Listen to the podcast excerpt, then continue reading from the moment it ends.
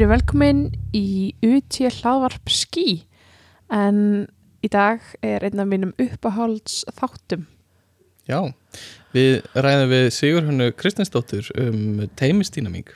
Já og kannski svona, já þetta kannski köflum hljómar sem smá flöf en þetta er eitt af mínum uppáhalds umröðafnum og eitthvað sem ég pæla ógst mikið í, í minni vinnu þannig að nördin ég fekk algjörlega að njóta sín Mm -hmm. Ég held ég hef ekki séð þig skemmta þér meira í upptökum einu þætti heldur en þessu sko.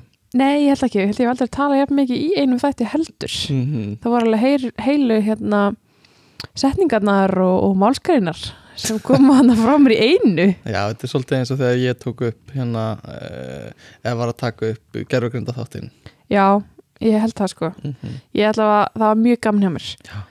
þannig að ég endilega látum vita hver er ykkar uppáhaldstáttur er hvort þau deilið Já. þessu með mér Einmitt, það verður gaman að heyra frá hlustandum hvað hérna, líka hvað, hvort þið vilja heyra eitthvað sérstakt í, í komandi þáttum.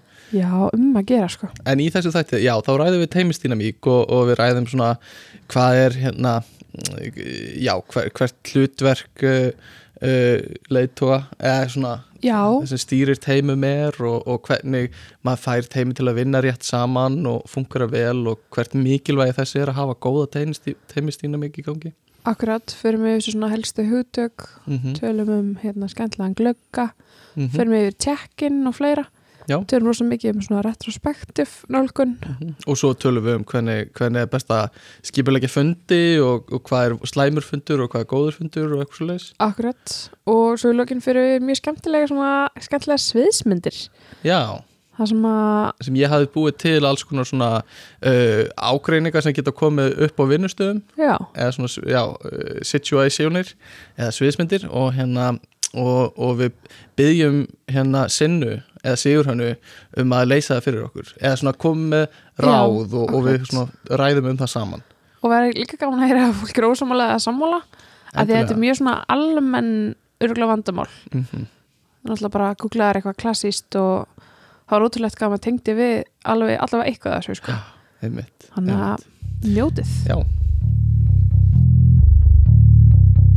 Verðstu hjartanlega velkomin Sigur Hanna Kristinsdóttir eða Sinna sem við fáum að kalla þig. Takk fyrir. Ég er búin að býða mjög spennt eftir þessum þætti, mjög lengi. Já, við ætlum að tala um teimistínamík Já, Í þættinum. uppáhaldi mitt. Uppáhaldið hennar Kristínu. Um, svona, ég er með svolítið svona hate-love relationship við teimistýna við mín. teimistínamík Elskana og stundum hata hana en oftast elska hana. En þú, Sinna Ég hugsa að segja því að þú hefur gamla fólki Já, og þess vegna hefur gaman á stúdera hérna, dýnamíkina en stundu getur þetta verið flókið og jú, ég held að ég er sammálið þér þetta hérna er áhugamál mitt, myndi ég segja búið að Mhm. vera í, bara líklega frá því ég byrjaði að vinna mm. ok og hérna, já svona er alltaf áhugamál. veginn að lauma því svona inn í Já. það sem ég hef verið að vinna við ok, sko, ég ætla að koma hérna og grípa inn í teimistínamík hvað hérna, hvað erum við að tala um Hvað er það?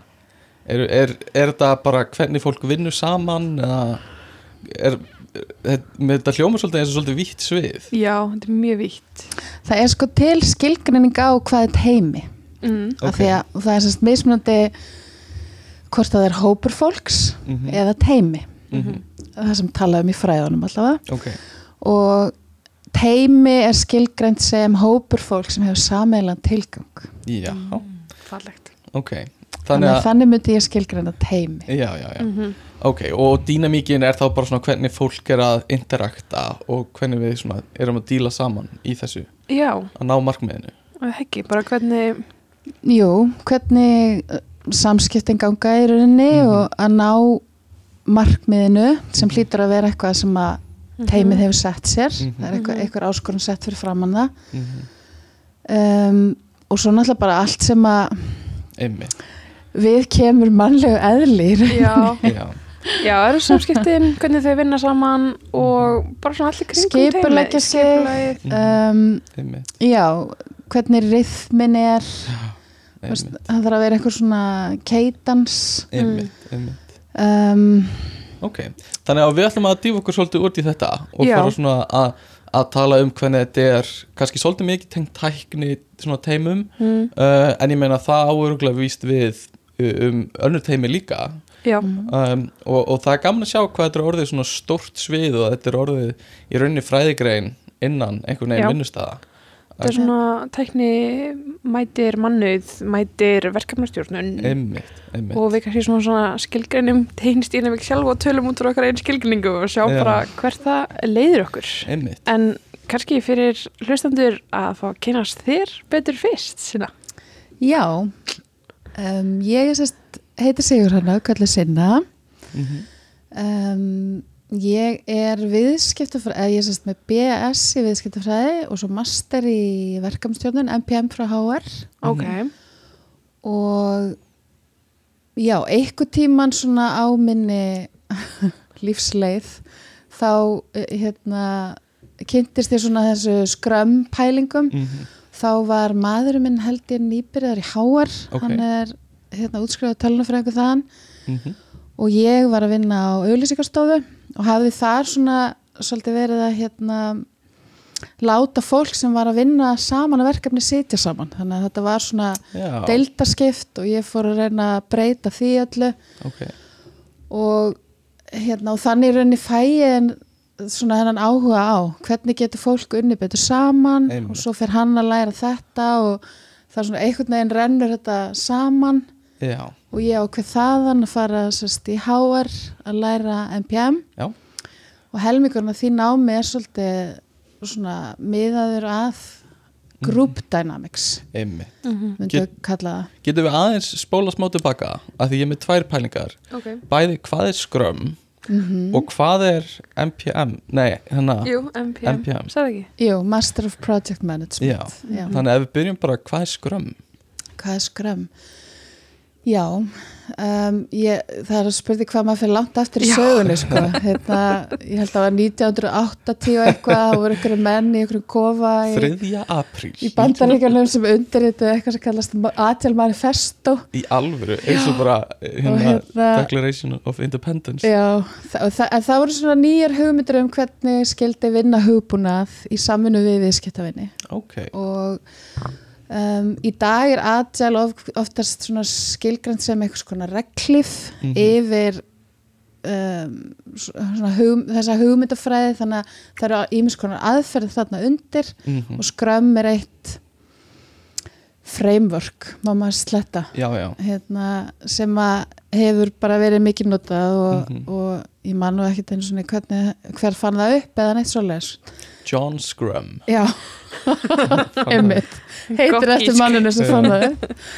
Mögulega. Og hérna það er kannski svolítið stránt framework, það Mhm. skilgreinir mjög ákveðið um, Mhm. hvernig teimi skuli vinna. Þaðan til Mhm. dæmis kemur hugmyndin um product owner já, ég skil. sem er þá vörustjóri sem við Mhm. myndum kalla eða Um, eigandi já, það vöru eigandi. Mjög svona umdilt eða þetta er mjög umdilt topic líka. Já, mjög Er- umdelt Vöru eigandi einhvers konar ábyrðar manneskja þá? Já, allavega það sem ég vinn að Mhm. þá er vöruegandi mannskjan sem ávöruna og ber svona ábyrð á henni. Mm um, og svo erum við með vörustjóra sem að rekur vöruna.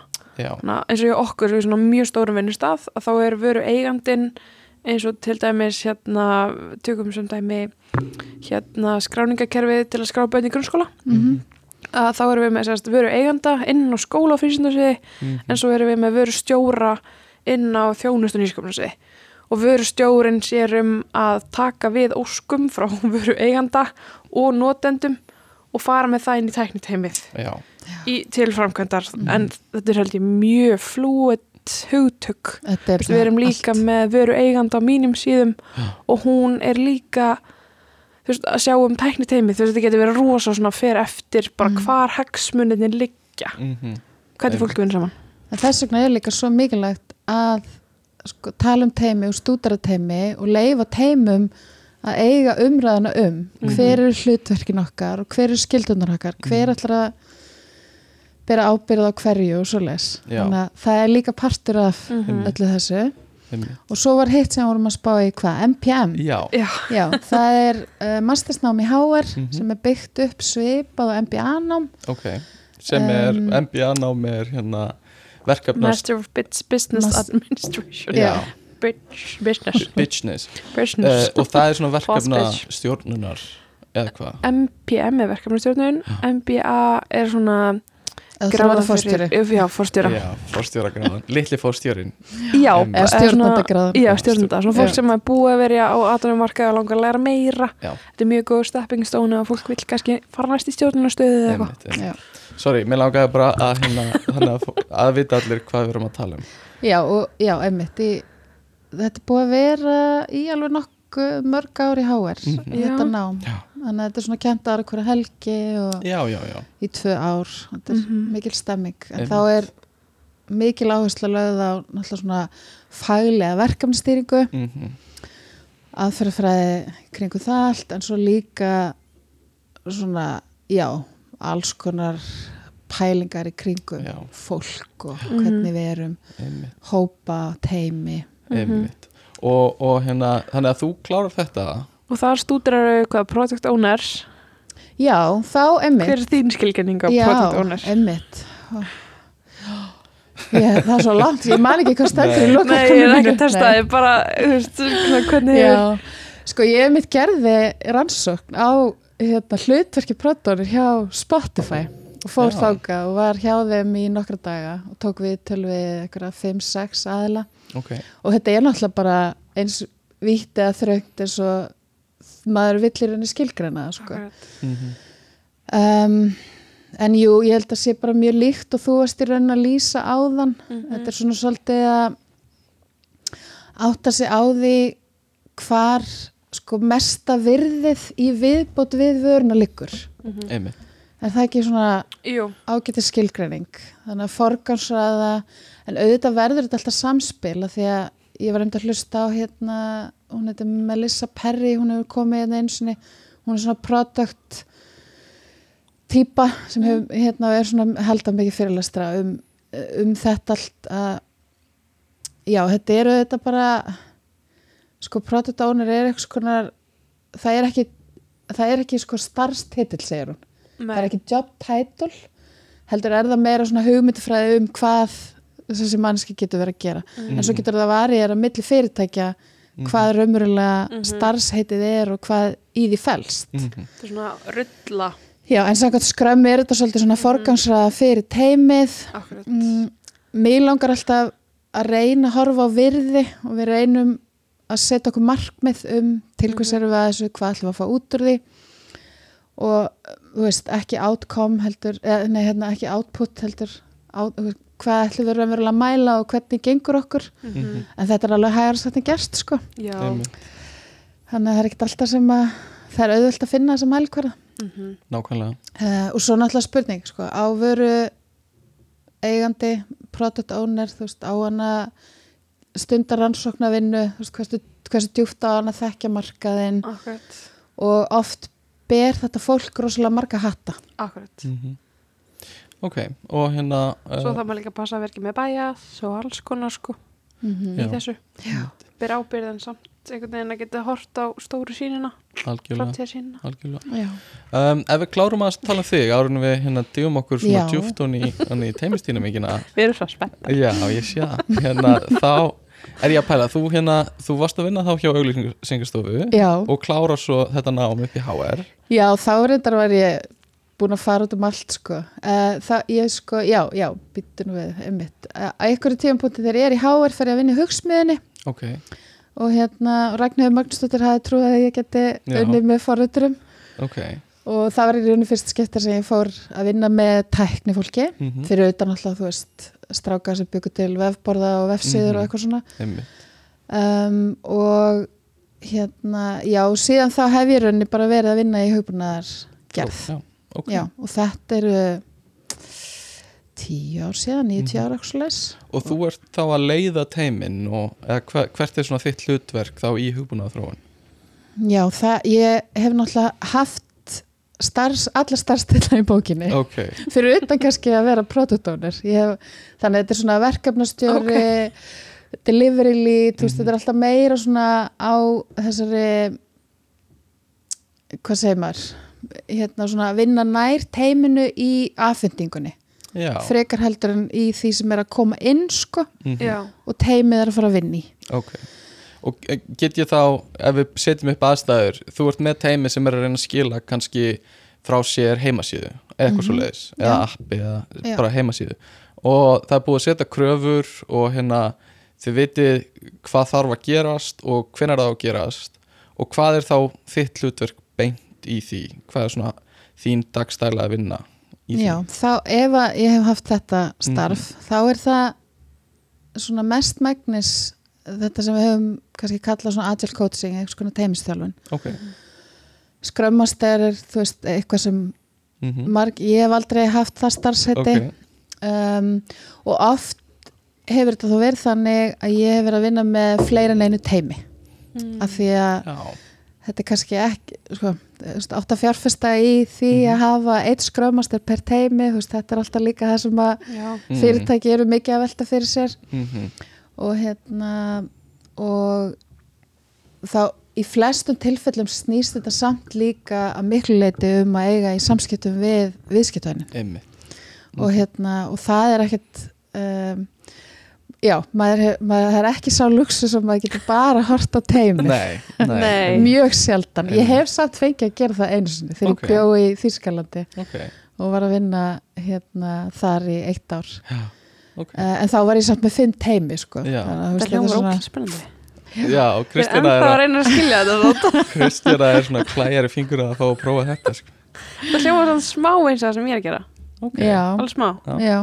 Pródúsur er náttúrulega eitt hérna, starfsheiti sem hefur alveg verið notað yfir Já. Mhm. en þá eins og Er CCP, svona- þau nota þetta Já, hugtak fyrir svona, ég veit ekki, teimisleiðan teim, Já. teamlít en samt Lead, ekki já, Mhm. en þar held ég en þá kannski sem pródúsir ertu meira hands-on og gengur í öll störf ég veit já, ekki. já, og Mhm. þú ert miklu meira held ég svona í verkefnastýringu já, Mhm. heldur en að vera kannski að hjálpa teiminu að svona að verða betra í því sem það er að gera dagstælega sko. Þannig að það, það er oft sem að þetta eru náttúrulega soft hlutir já, þetta, þetta, eru, þetta er oft huglægt og fólk á erfitt með að svona hérna, leggja fingurinn á Og hvað gerir þá? er við, við, Akkurat, hvað ertu þá að gera? Einmitt. Ertu að bóka fundi? Nei, ertu að gera kostnaðalur? Nei Eh, soft hlutir Hver, er- Hvað er soft og hvað er harðir hlutir?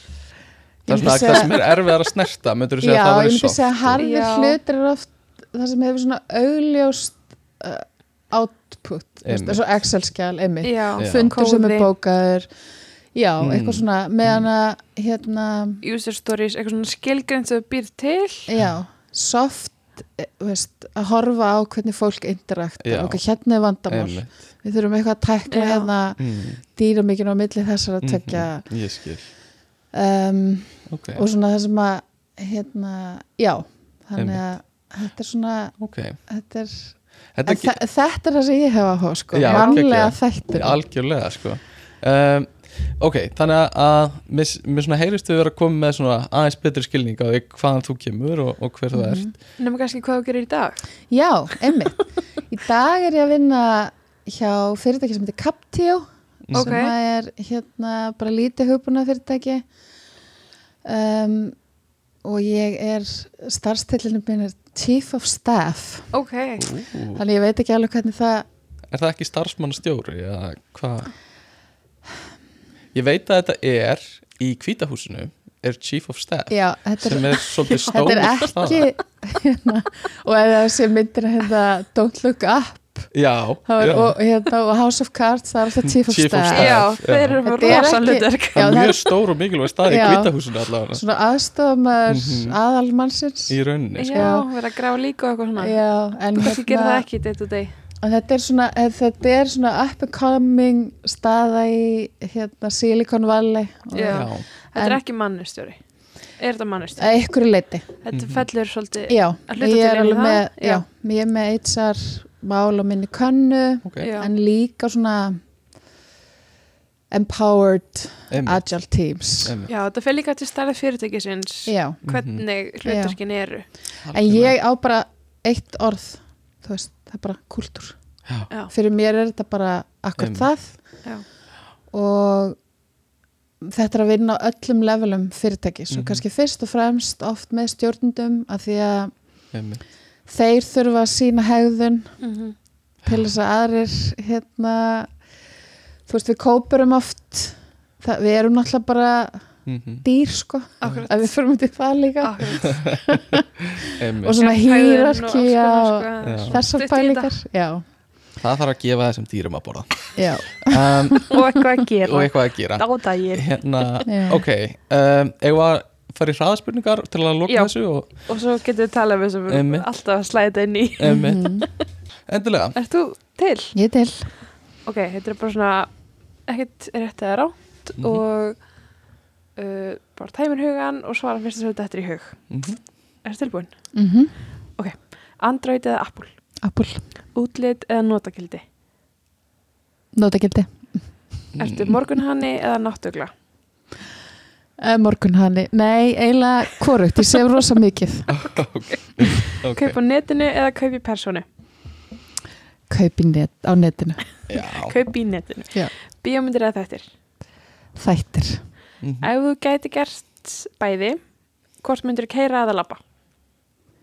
uh, labba Hvernig tekur þú kaffið þitt? Ég tek það svart. Já, americano, já, já tíma karu Uppáhalds orð spænsku? manjana. Manjana? í bjóðspáni Ok, geggjað. Tölvuleikir eða orð borspil? mm, borspil, Mhm. borspil Elda mat eða kaupa mat? kaupa maður ok, Föstu dagar eða móndagar?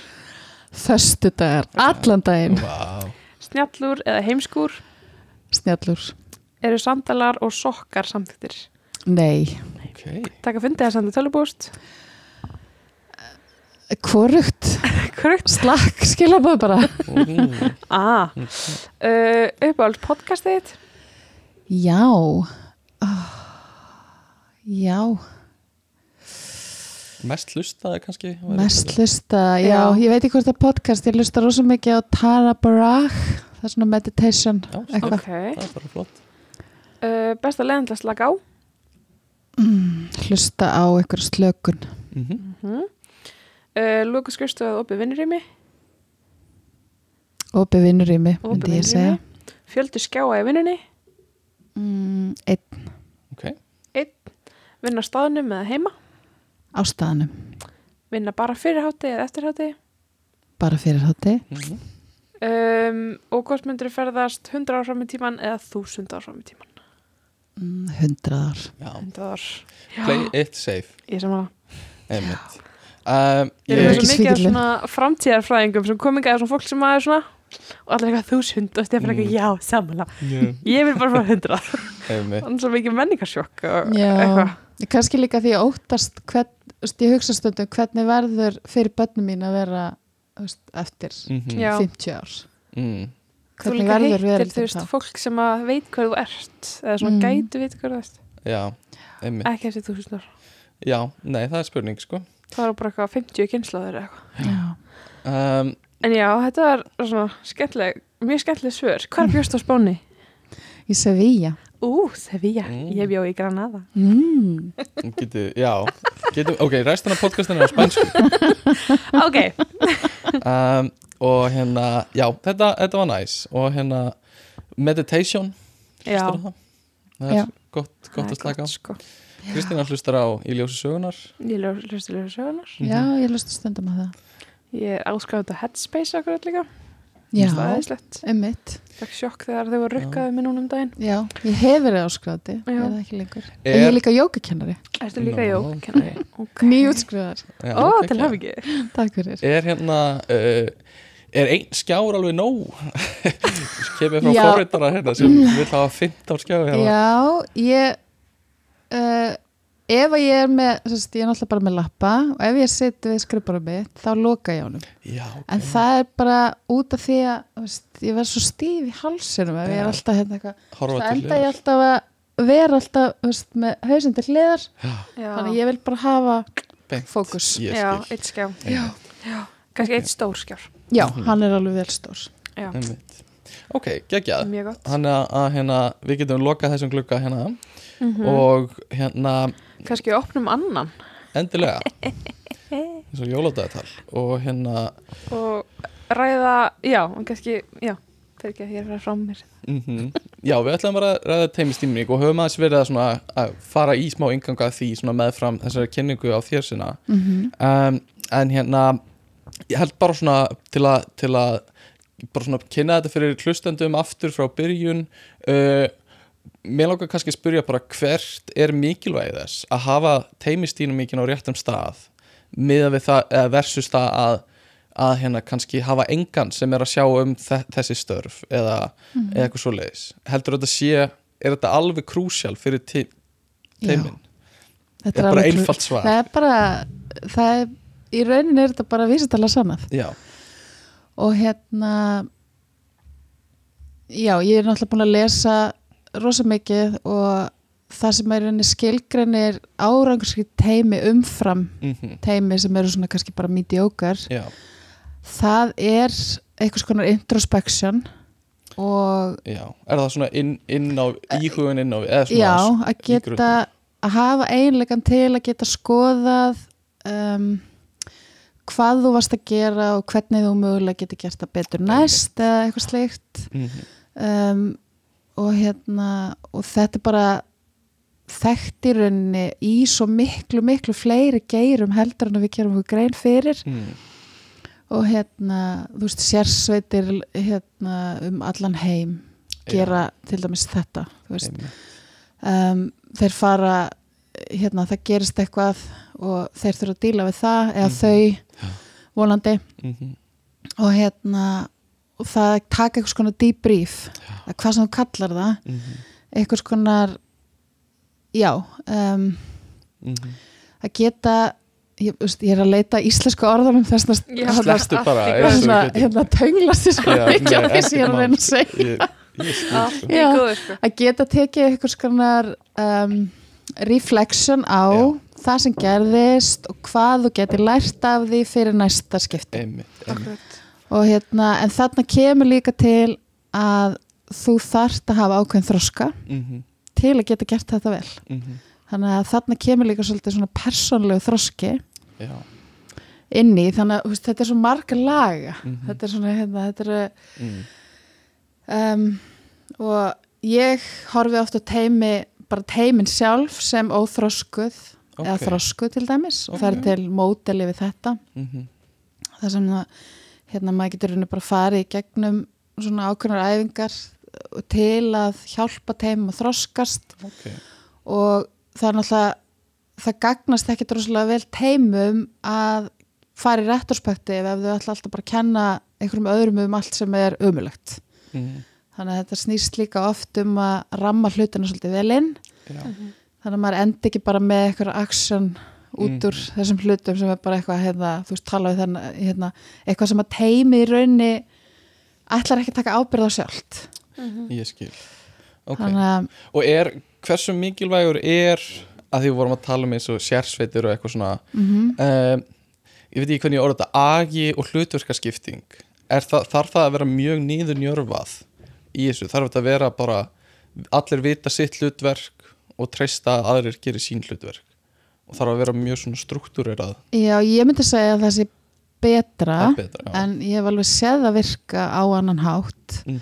þar sem þú ert með svona meira cross-functional teimi Mm. þar sem að allir geta gengið þetta snýst líka svolítið um bara hvert er skilsettið Mhm.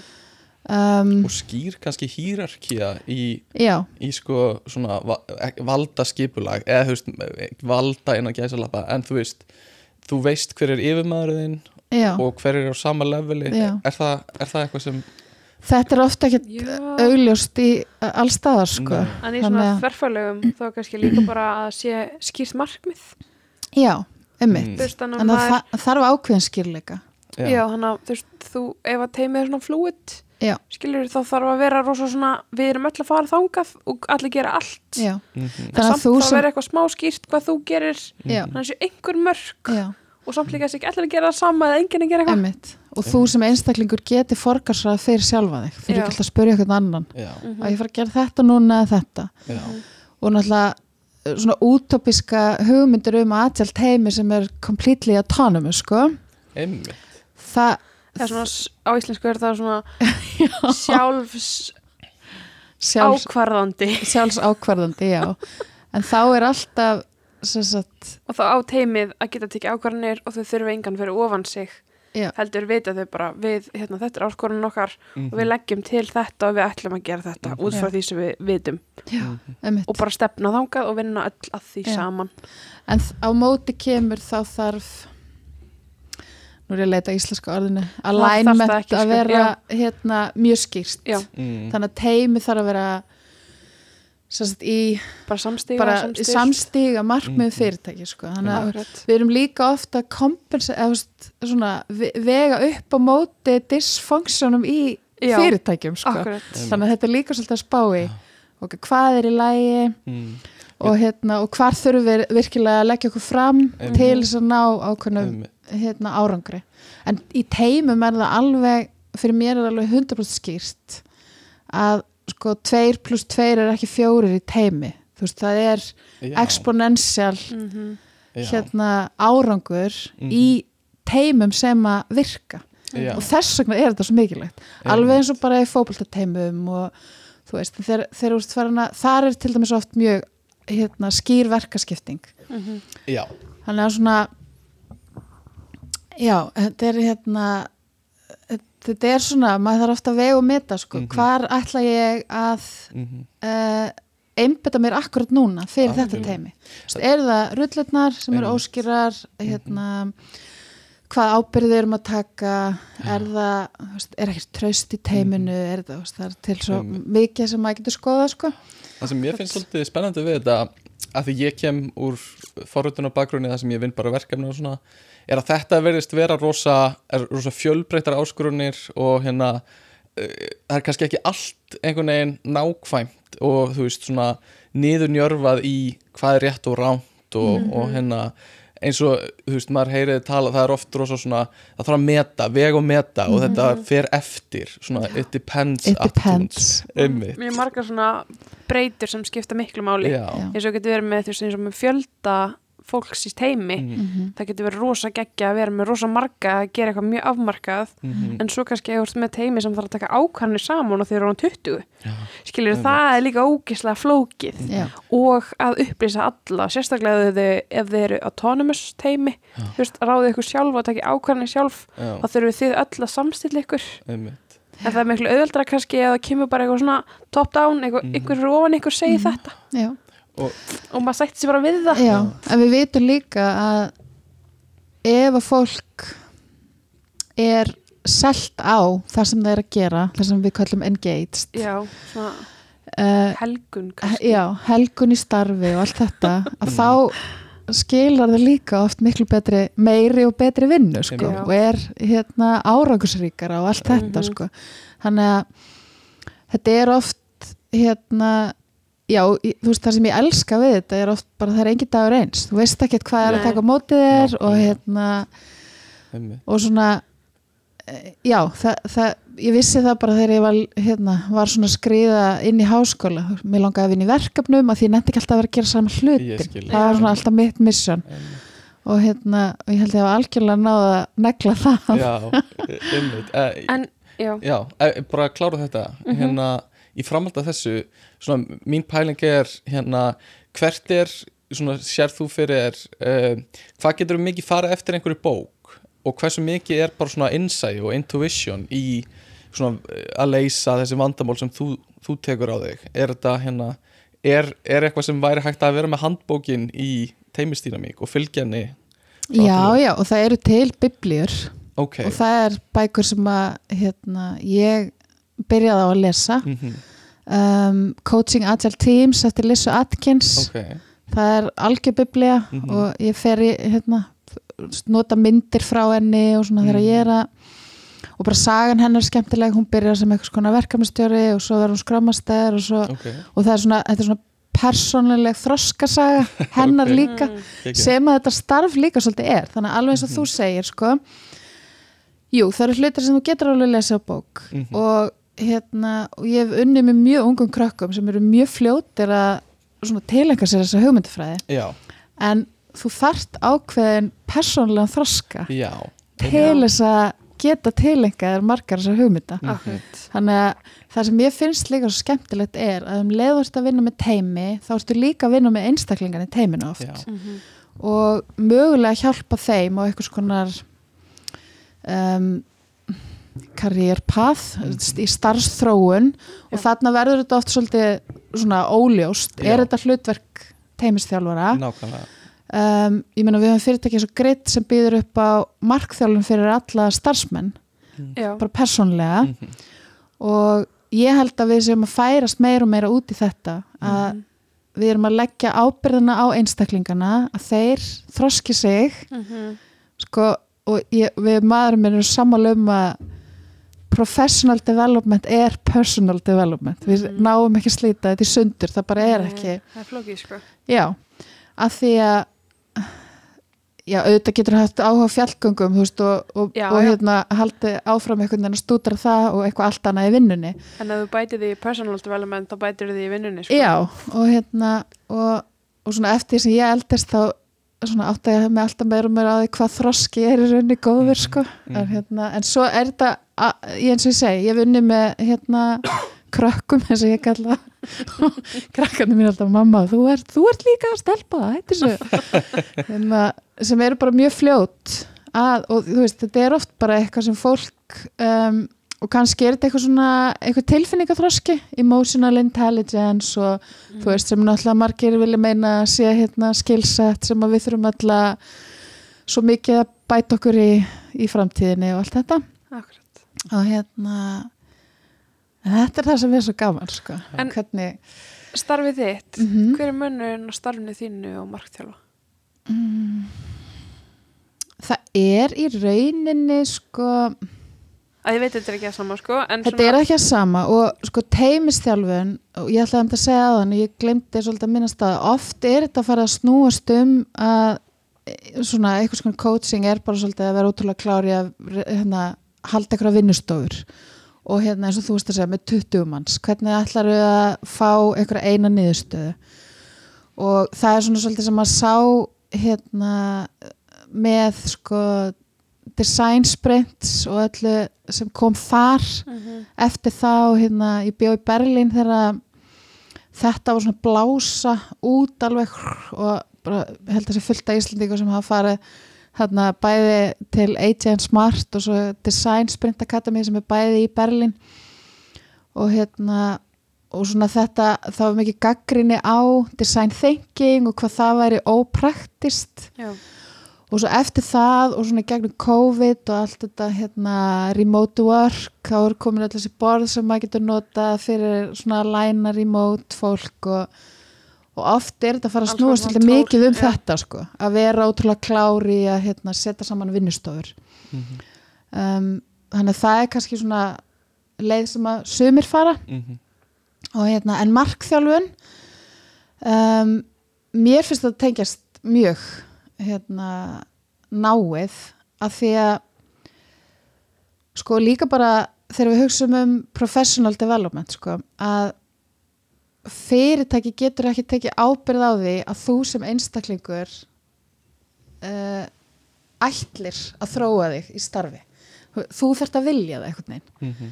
og söm fyrirtæki hafa svona verið að taka hérna eitthvað sem heitir kannski personal se- þetta kemur svona það, kom hérna til Íslands, ég taka allan Guðföður coach á Íslandi Jimmy Janlen, hann Ok. er með mjög skemmtilega youtuberas Mhm.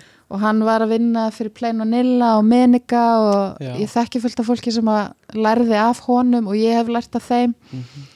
og þá var, var þetta svona sko hvaða markmið viltu setja þér Mm. næstu þrjá mánuðina og þú skrifaði það svolítið niður Mhm. en þannig ertu komin í coaching sko. Hvað, hérna, hvað er það sem þú vil gera hvernig ætlar þú að ná þeim markmiðum og bara Akkurat. fara í markþjálfa tíma Mhm. það er í rauninni það sem markþjálfa gerir hann er ekki að segja það neitt hann er Mm. bara svona að fara inn í þinn heila og, og reyna átt að mm. hjálpa þér að búa til eitthvað mynd sem þú vilt ná sko. Einmitt. og það er að sama sem að teimis þjálfunurinn gengur út á nema það er bara hópur fólki Ok, Akkurat. já. og Er, búa til eitthvað sín sem er sameileg já. Er þetta rosa mikið þetta hljómar eins og þetta sé langt mest áhersla á sko, hvernig getum við unnið að þessu markmiði og, og, og ná því saman á, á sem bestan hátt er eitthvað af þessu og þú getur bara leiritt mig ef, ef þetta er ekki þannig en er eitthvað af þessu að díla við sko ágreining á vinnustad eða algjörlega þannig að þetta er ef það koma einhverju tveir persónuleikar sem vinna ekki saman Mhm. eða eða gerist rifrildi eða, eða hérna, bara vandamál þá er, það, þá er partur líka af þessu að díla við það Já. Já. en ég segi samt við teimin mín að ágreiningur er góður Mhm, og við eigum að við eigum að segja okkur skoðun mhm. Við erum ekki að forðast ágreining nei, bara til þess að Eða svona Já, við eigum að takast á en Já. það er líka rosalega holdt fyrir teimi að geta tekist á mm og það er ágreiningur og komast yfir það akkurat það er þroska hérna, Og klára það og Ekki klára það lúffa eða eitthvað sleppa því eða Já. svona. og ek- og ekki mitt hanga í því sko, mun alltaf Já. eftir að vera bitur Akkurat. það er líka hérna Mhm. en það, þú veist, þrösku manneskja í fullkomnum heimi, hún er ekki bitur lærir Nei. eitthvað af þessu og Akkurat, tekur er færum að, og... já, er færum að, að bara halda áfram Já, kannski bara ekki leita uppi ágreining en ekki akkurat heldur Já, já. og þannig komum við kannski svolítið að því sem ég held að sé leikillin í teimisdýnamík og það er það sem hefur verið kallað sálrænt öryggi Já. og er alltaf að fá held ég svona meir og meir og meira meiri aðtegli Já. og hérna bara hérna ein kona, ég ætla að segja stelpa kona sem er hérna teimistjálfi, hún er búin að menta sig í þessu til dæmis psychological safety. Og það eru einhver ár síðan ég man ekki já, þegar ég var að vinna í Colibri þá gerði ég svona lightning talk um Project Aristotle. Þá var það svona tildulega nýtt og náttúrulega Google eh, þetta er þess verkefni sem var í gangi hjá Google þetta er alveg nokk, þetta er nokkuð mörg ár síðan. En hérna þau voru búin að leita bara að því hvað gerir fullkomi teimi eða þú veist gott teimi, Mhm. eitthvað svo leis árangur sitt teimi, manni hvernig það var það og þú veist, það gekk aldrei neitt upp. Það var engin breyta sem var fylgni sem þau sáu milli allra teima og eitthvað svona. Þangatileg duttu nýra þetta psychological safety. Ok. og það er í rauninni er alltaf að fá meir og meiri svona byrjundi báða vangi sem svona leini hráöfnið sem að skipti máli. Ok. og það er í rauninni að fólk getur bara verið það sjálft. Já, Já, einmitt. Og já, einmitt sko. Sagt sína skoðun. Mhm. uh, þarna komum við inn á hlut eins og þú veist um, veist bias, inclusion og allt þetta sem er svo Akkurat. mikið í dag. Og mér vantar íslenska orðin já. fyrir, akkurat, nei, það er ekki til góð orð fyrir inclusion. Nei, Nýja bias, þetta er orð sem ég nota ég get ekki nota á íslensku, hlutrækni er skrítið og inngilding er skrítið. Já, Mhm. einmitt. En það eru orðin. Já, Við leifum okkur bara að tala á, já, En akkurat, með þetta svona, ef ég svona dreif þetta eins inn í annað um, sem ég er svo spenntur í glugganum sem ég langaði að opna skiptir máli að þekkja teimismælimi sína.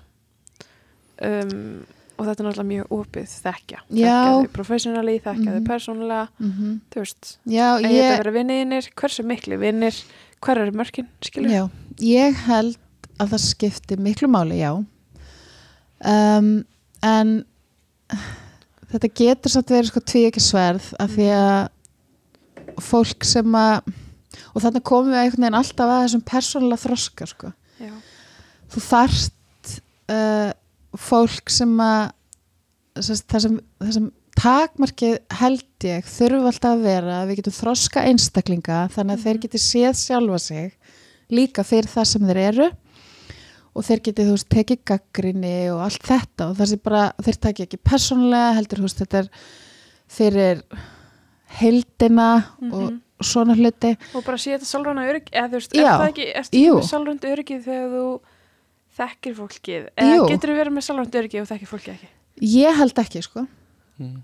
um, en þú vilt heldur ekki detta í sko meðvirka gýri Nei, það er nefnilega að vita of mikið bara Já. hlífum þessum eða já, þú veist, já Mhm. og, og hérna og ég hef alveg séð það gerast líka já, veist, af því það er ógæslega flókið þú varst til dæmis hérna, eitt af þessum spurðu við, hérna, við vorum svona hérna, á spurningalistanum var Já. þetta með check-inin sko. Mhm. hversu langt göngum við já, hvað er check-in? Já, einmitt, það er svona einmitt, eitt, sem að hefur verið mikið notað í, í hérna, teimum bara Já. til að svona auka auka á jákvæða teimisdýnami getur sagt og um, ég myndi segja að check-in sé yfirleitt svona í upphæði fundar Já, gert. að dags eða vinnustofu upp af einhvers Já, og ég vil líta á check-in sem svona fyrst og fremst eitthvað svona mindfulness æfingu þannig Ok. að þú ert, þú ert að mæta og þú ert að skilja allt annað eftir þú ætlar að leggja frá síman og loka tölvunniðinni og mæta á hann fund og við ætlum að vera fókusið á að ná ykkur um árangri mm. -hmm. það er tilgangslust að halda fund ef við vitum ekki hvað ætlum að fá út úr honum og ef fólk er ekki andlega á staðnum sko. Já, og svo náttúrulega hef ég gert þetta með sko mörgum menningar heimum líka, Akkurat. það er náttúrulega svo dásalegt sko, þá svona tjekkin eins og ég lærði það ok, þ- hjá Kolibri á sinn tíma var hérna, þá tjekkuðum við inn á tilfinningar Já. og við tölum um hérna um, mad, sad, glad, afraid. Mhm. og þetta er náttúrulega margir vinnustæðir í dag eru bara á já, þannig að var, við vorum alltaf tölum ennsku þar. Og hérna og það var bara mjög missamt hversu hérna djúpt fólk fór og allt þetta. Líka áhverð að fjó, þrjára fjórum sé neikvæð. Já, sad, mad, glad, Mhm, mhm. afrýtt já, Já. allavega, já, En fólk getur farið í hvað sem er sko. Já. Það voru hjón sem að heitu The McCarthys sem Ok. að voru að vinna hjá Microsoft. Hún er sálfræðingur, hann er tölufræðingur þau fundu upp á þessu. Ok. The Core Principles já, held ég að heiti. Já sorry, þú tjekkaði inn í byrjun hérna fundar eða dags já, sem teimi já, og þá er henni segir uh, þú veist, ég glaður með mm du, du, du, du, það má vera á persónulega lífinu þú veist, Mhm. ég svaf illa ég, og hugmyndin er náttúrulega þú svona getur með þessu setti í annar mann spór Mhm. -hmm. eða þú ert kannski ekki peppaður fyrir því sem er í gangi og svolega sko Mhm. um, já og svona og oft náttúrulega snýst þetta um það við getum skilið hvað hinn aðeilin er að koma Mhm. og hérna, en svo er svona spurning hversu langt maður tekur þetta og hversu langt maður leifir fólki að fara og, Mhm. og hérna, og ég held stundum bara hreinlega verða bara erfið mál út af því að fólk fer kannski að notfæra sér þetta. Já, Já, sem einhvers konar sálfræðitíma eða erum við að tala um nei, heldur sko þú veist, það er bara allt svo erfitt og hérna? Já, og, og, Mhm. og það er erfitt að vera mættur í vinnuna og það, Mm. hérna, og svona, þú veist líka fólk að börn alltaf að se- sefur alltaf illa þú veist, eitthvað svona, Já. það getur verið svona þema hjá fólki líka, þetta er fyrsta Já. sem þú gerir á mótnana mm. þá er það sem, það sem þú ert nýbúin að gera mm kannski var morgunin kræfjandi, komst ekki barnin á leikskólan eða eitthvað svona, veist, það getur óvart endur tekið sig já Mm. Þannig að það er svona spurning hversu þú veist og þarna held ég að þar svolítið bara vegum þetta Mhm. hver er kultúrin í teiminu sem þú ert að vinna með Akkurat. hversu vel þekkist fólk stundum nota ég bara hérna, veldu eitt móti bara segðu, þú veist, ef þetta er kannski sprint retrospekti eða eitthvað Mhm. hvernig liðum með hann sprett? Já, mér liður svona Mhm. en þá eru samt allir búin að tjekka inn Akkurat. og segja eitthvað, af því það er líka hérna, tilgangum í tjekkinni, það er að fá Akkurat. fólk aðeins að tjá sig Mhm. ok, ég mættur á fundin, eða mætt á fundin og svona brjóta múrin það hafa þetta margir veist, maður mætir að fund kannski seint eitthvað og það er okkur miklu umræður og þau nærið aldrei að koma þér að. Og um leiðu allar að segja eitthvað þá svona brotna röddiðin eða eitthvað. Og ef um leiðu er búin að segja eitthvað þá er svona að brjóta svona múr já, ákveðin. Og þá er auðvitað að segja eitthvað aftur. Já. Og það er held ég, eða svona einn af stærstu til, hérna, tilganginum með, markmiðum. Já, markmið með því að tjekka inn er að fá alla til að tala. Akkurat og svo náttúrulega, þú veist, gerir maður þetta með fólki sem að hefur aldrei gert svona hluta á þeir, þú veist, ég er að vinna núna með breskum hérna, forröndarum og þetta er alltaf bara að vera að vinna með þýskum þú veist, þetta er stundum stundum með maður bara eitthvað svona, ekki það, ég ætla ekki að hérna, bóksa fólki eitthvað, nei, nei. en þetta er bara svona þegar maður kemur með sína pælingar Mhm. og er að byggja fólk um að gera eitthvað akkurat. bara, ha, ég skil ekki hvort tala um. Já. akkurat. Akkur erum við að gera þetta? Hverju Þannig að ég er líka oft, já, ég er oft farin að svona kynna já, Mm. af hverju gerum við þetta? Af hverju? Af hverju um, er ég að mæla trösti í þessu teimi til hvers? Akkurat. Og eins og þú veist bara svona að gefa fólki svona skilning hvað við erum að, hvernig þetta virkar. Eins og vinni okkur, þá erum við ákveðið teimi sem er að vinna okkur ákveðinu og við tjekkum okkur alltaf inn á mótana. Uh, tjekkum okkur alltaf inn með því að segja hvernig okkur líður og svo er einhver einn spurning það er svona þemað. Mhm. og þá tjekka maður sér hvernig mann líður og svo til dæmis hérna getur verið bara hvað er uppáhaldsluturinn ykkar við haustið? Mm. eða hvað er skemmt hvernig líður ykkur eins og þessu komið vetur?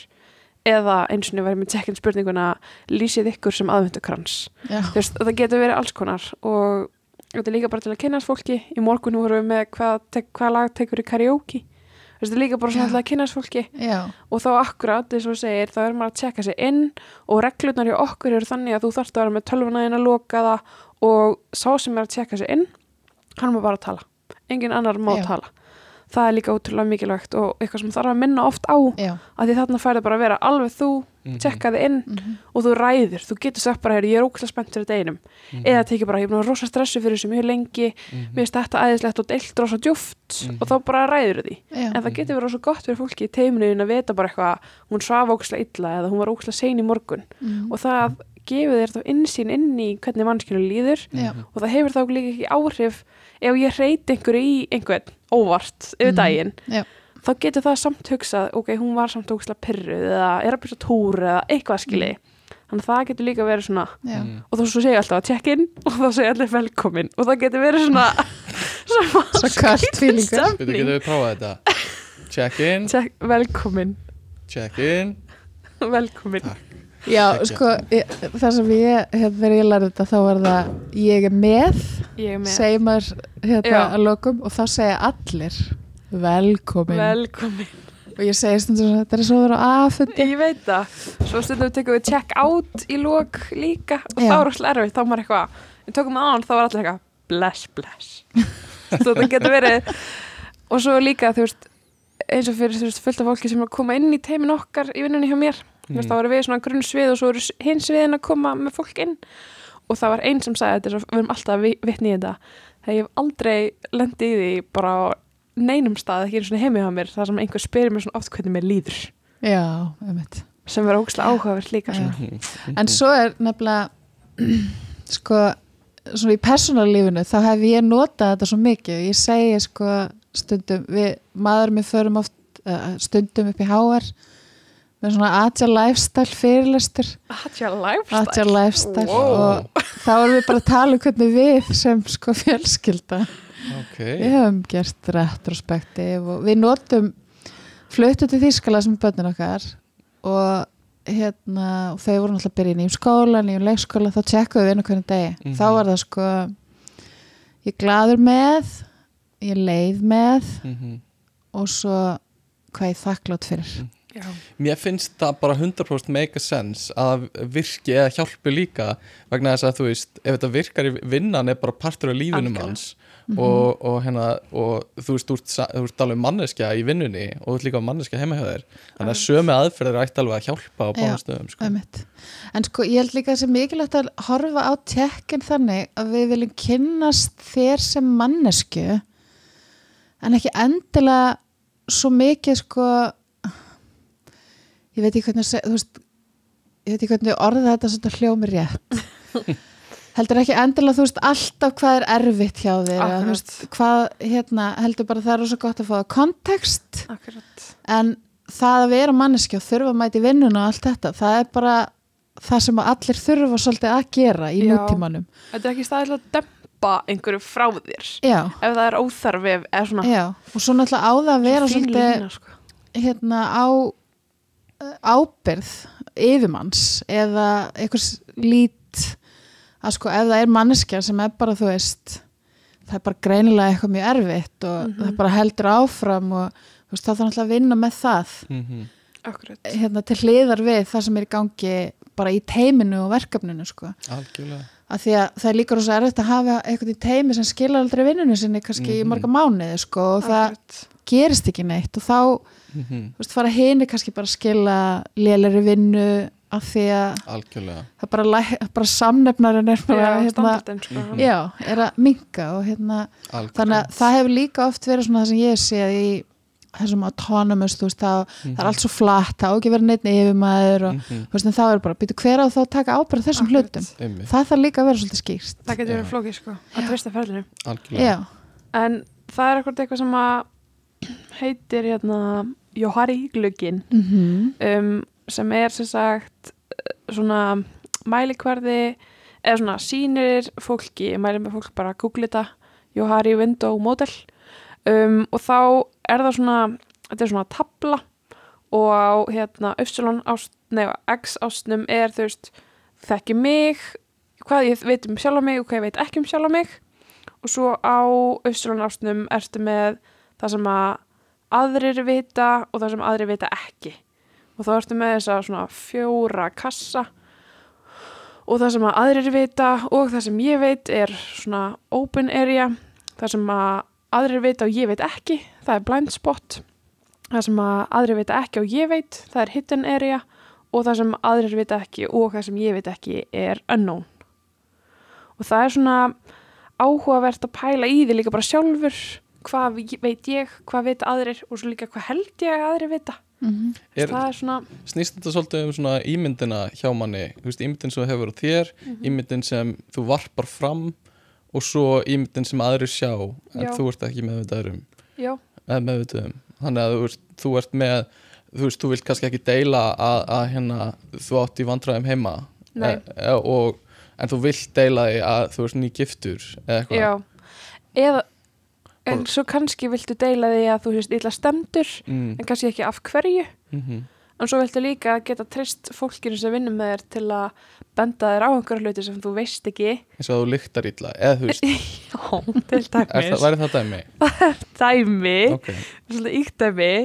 En, En já, það kemur fyrir, ég- gott, ég- algjörlega. bara já, þekki, algjörlega. þekki svona dæmi sko. Akkurat, svona einhver mynstur sem þú vilt og get, get, vilt að hérna, teimið þitt segja, vilt að Mhm. treysti teiminu til að láta þið vita mm af einhverju. -hmm. þannig að þetta, er, þetta snýst rosa mikið um þessa ímyndir sem það varpar fram og sem þú Já, og svona svolítið að færa hluti fram og tilbaka í þessi box Mhm. og svona fyrir þig að hugsa Mhm, hvað þig aðrir eru að vita, hvað ekki hvað Mhm. væri ég til að vita, hvað ekki. Mhm, það getur verið flókið, sko.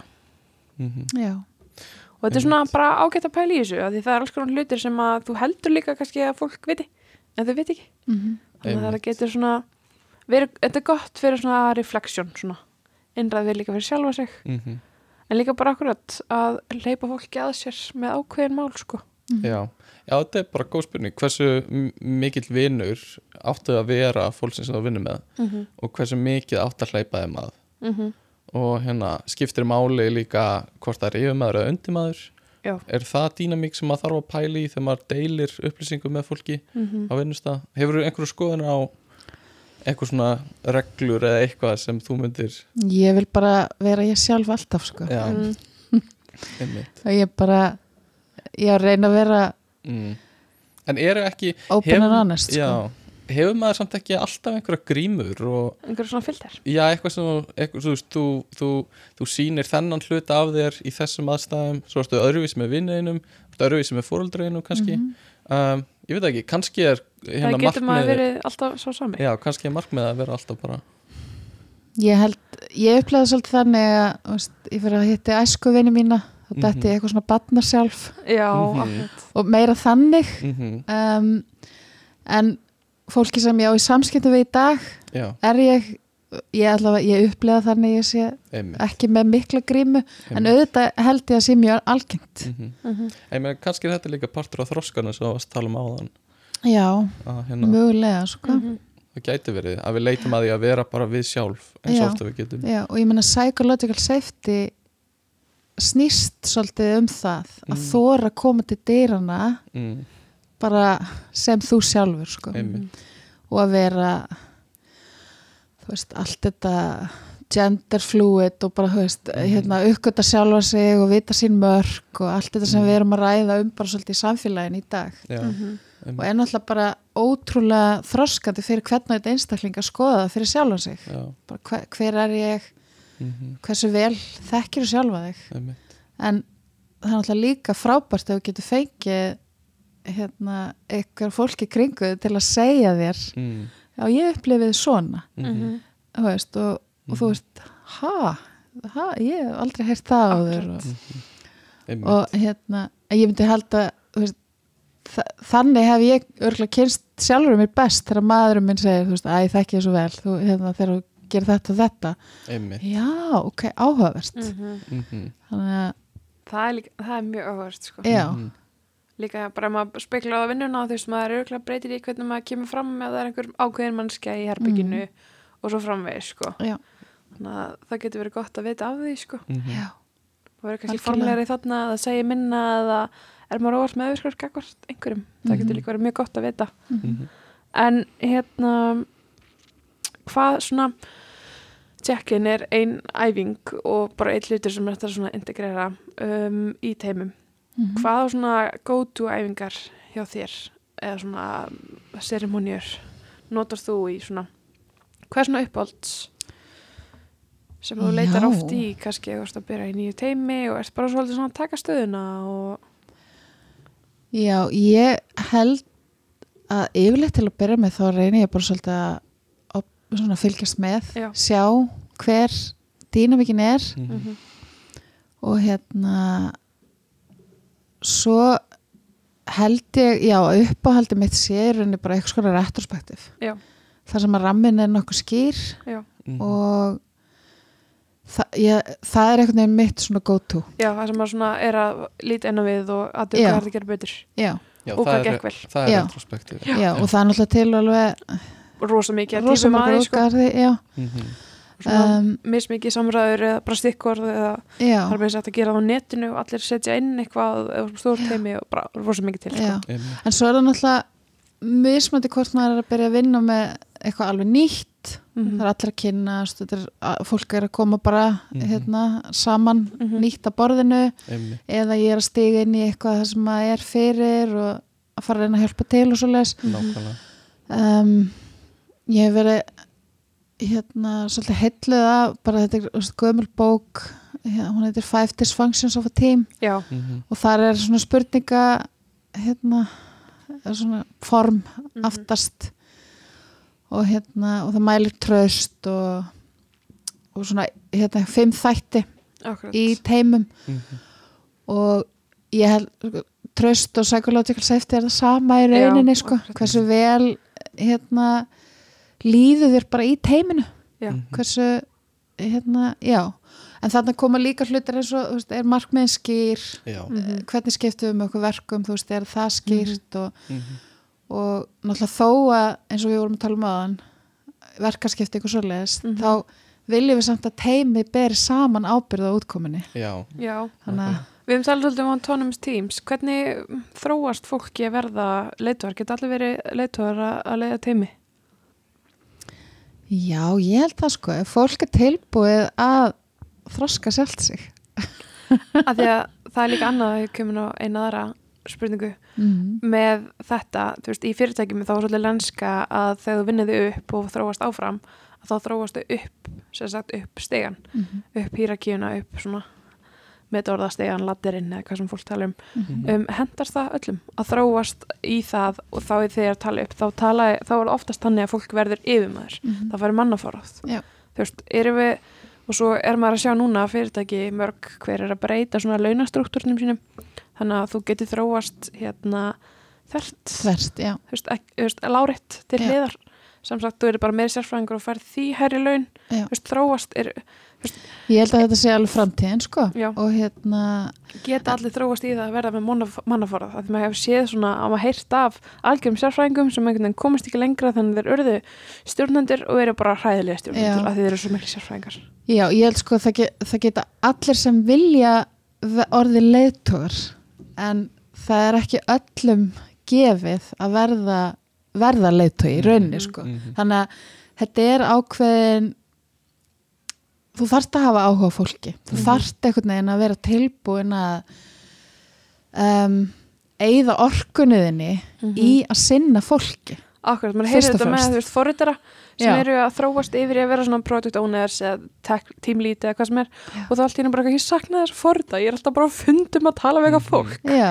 Skilur, eða bara forðast að í Já. rauninni sinna fólkinu og bara þú veist, grafa svona í ykkur hólu og Mhm. að því verkefnin day to day verða öðruvísi já, algjörlega, og ábyrðin verður öðru algjörlega. Og fólk þarf að gera það upp fyrir sig. Mm -hmm. er það tilbúið að mögulega fórna því sem það hefur kannski ástriðu fyrir að forrita eða eitthvað svo leiðis en svo náttúrulega er oft uh, fólk sem er bara góði kennarar í rauninni.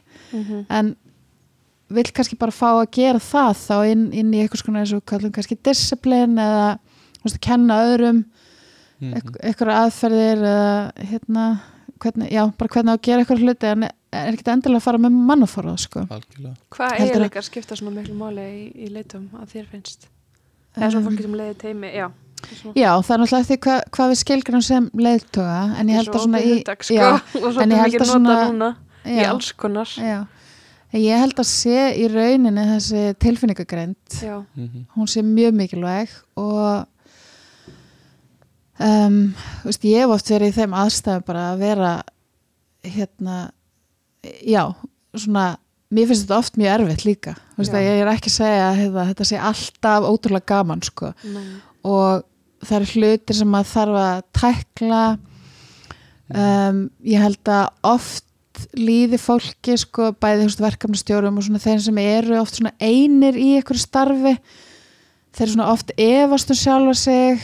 Um, og ég, þú veist, hérna bara á ég að senda út þetta fundabóð á þessa 50 manns hérna, Mhm. finnst það það er bara svona lítið dæmi um hvernig þetta byrjar þegar maður er svona að byrja í þessu en svo náttúrulega bara hérna þú veist, þegar maður alltaf átt sig á því að einhverju hrættur við að bóka fund þá bara já, ok, hann er þú veist, ég fyrir 20 árum ok, ég skil hvað hann hérna, hvað hann er núna og Já. svona, hérna, vilt að ég skoða þetta með þér eða eitthvað svo leis Mhm.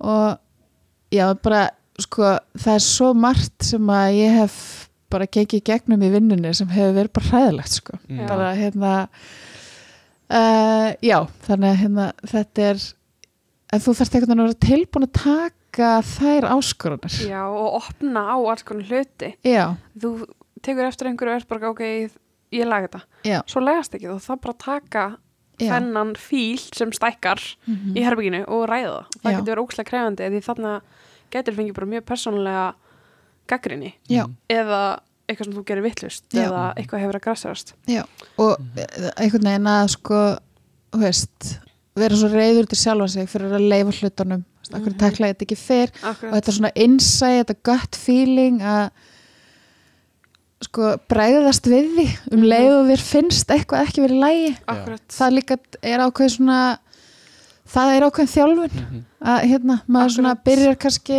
er hikandi Mhm. fyrst og svo svona kemur það að svona, Já.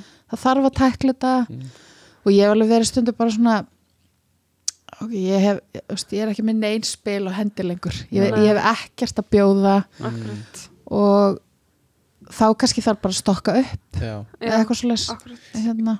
Er þá, er hægt að segja að leitu sé starfsheiti? Er það meira svona eiginleikar þá?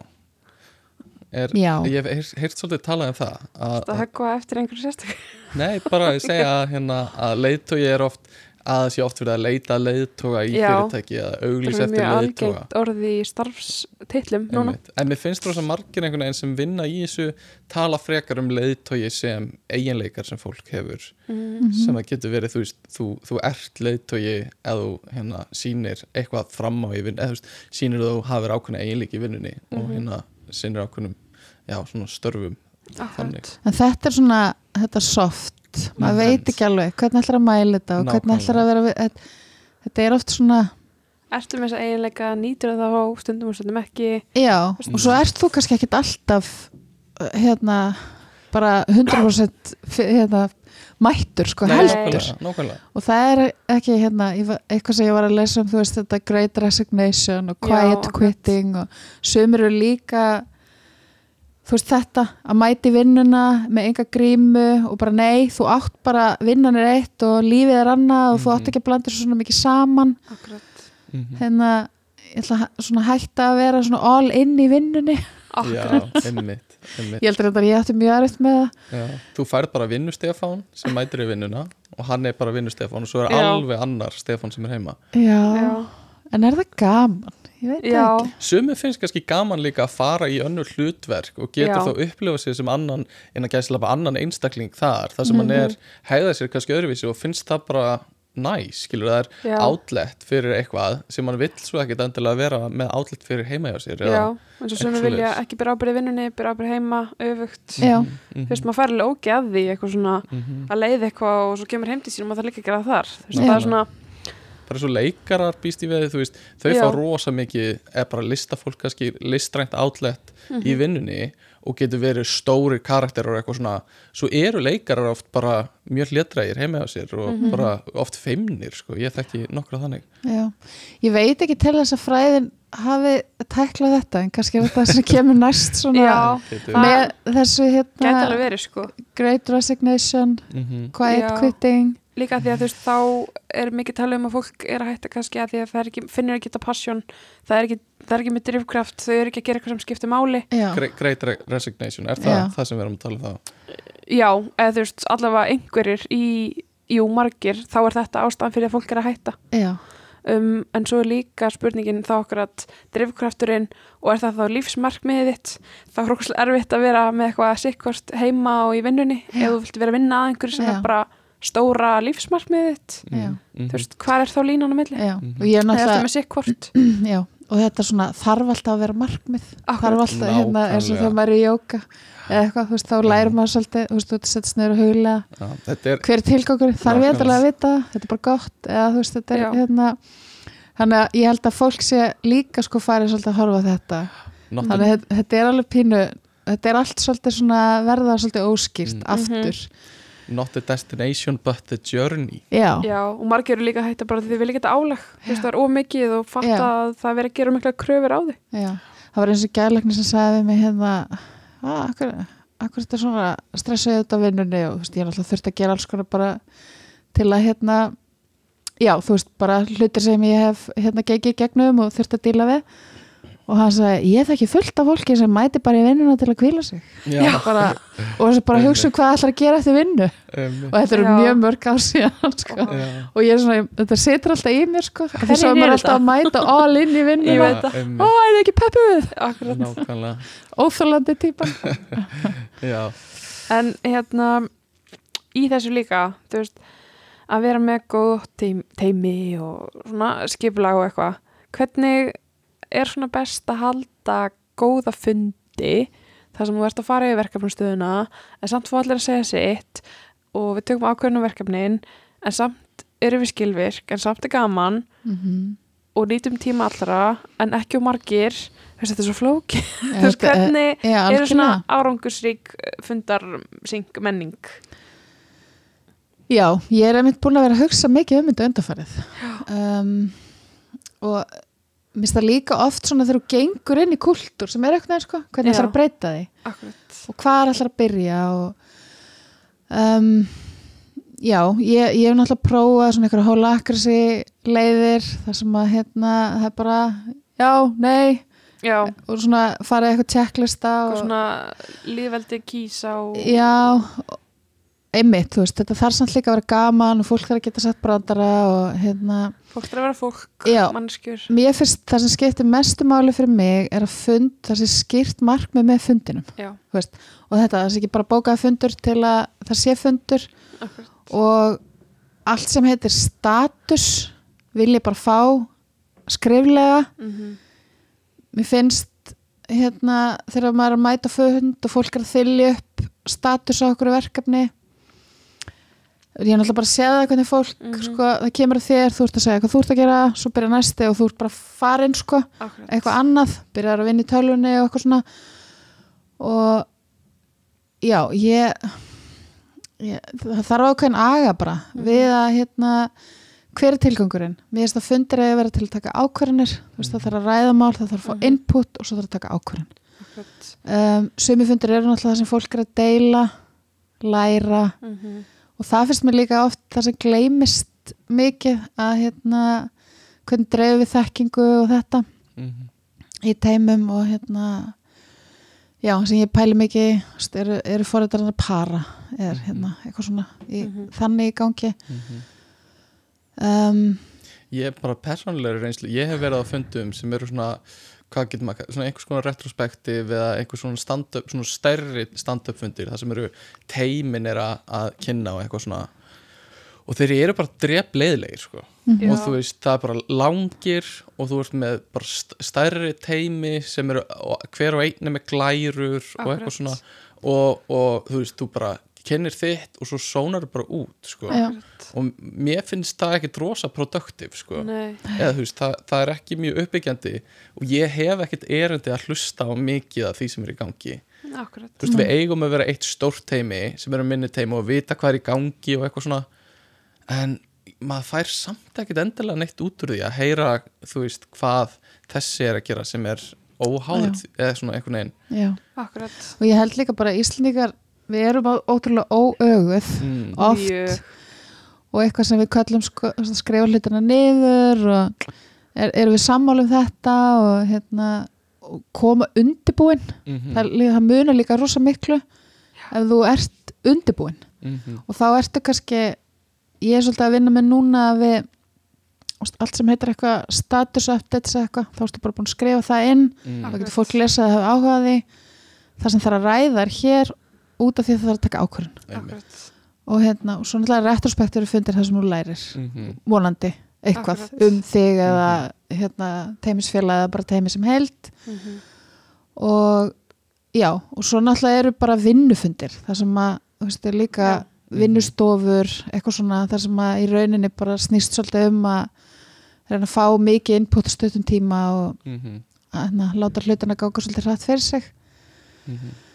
Um, og leysa bara vandamál á svoleiðis fundum sko. Það er oft og það náttúrulega það er sko, já þá þarf líka, sko, fundurinn þarf líka samt að geta tekið ákvarðanir Mhm. já, af því að því er heldur ekkit að þá þurfa að segja, já, herru, að tjekka þessum og Mm. þessum og Mhm. Svo þurfa það allir að vera upplýstir um stöðu mála mm. Svo hefur maður oft reynd að halda svona fundi að sem áttu bara að taka ákvarðanir já, Svo komið enginn undirbúin og þá, Nei. er nei, maður, emmitt og þá er maður komin í eitthvað svona vítering já, og eina ákvörðun sem er tekin er að taka annan fund. Já.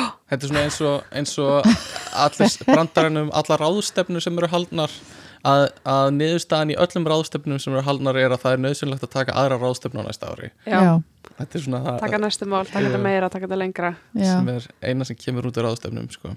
já.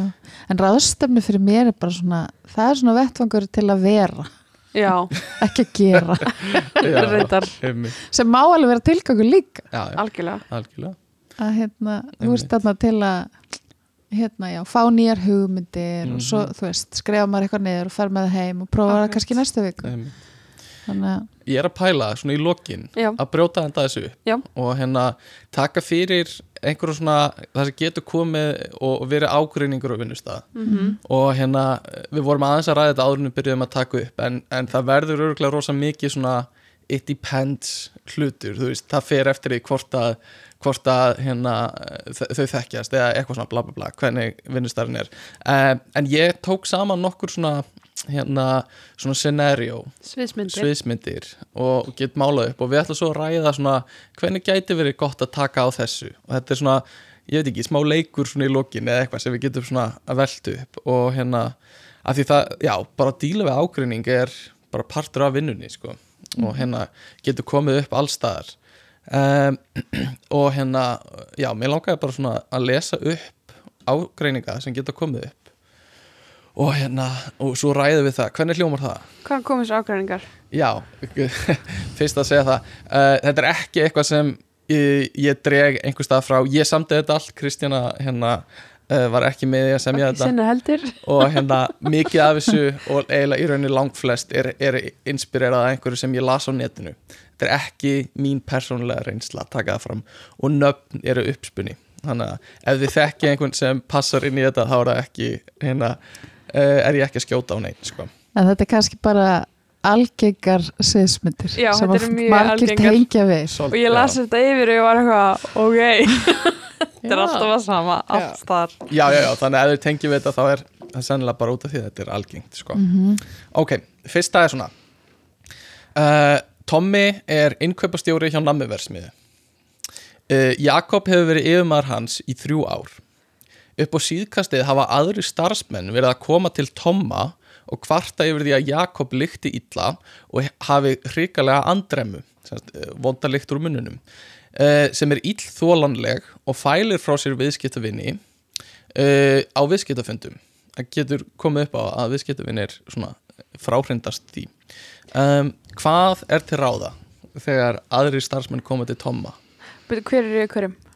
Jakob er yfir Tomma sem sagt. Jakob hefur vondalikt Já. yfir maðurinn hefur Yfirmaðurinn. Undir maðurinn veit, er, veit núna af þessu og aðri starfsmenn er að koma sem sagt, til Tomma undirmannsins Já. af því hann og Jakob hafa ágætt svona Já. eru, eru félagar Ok,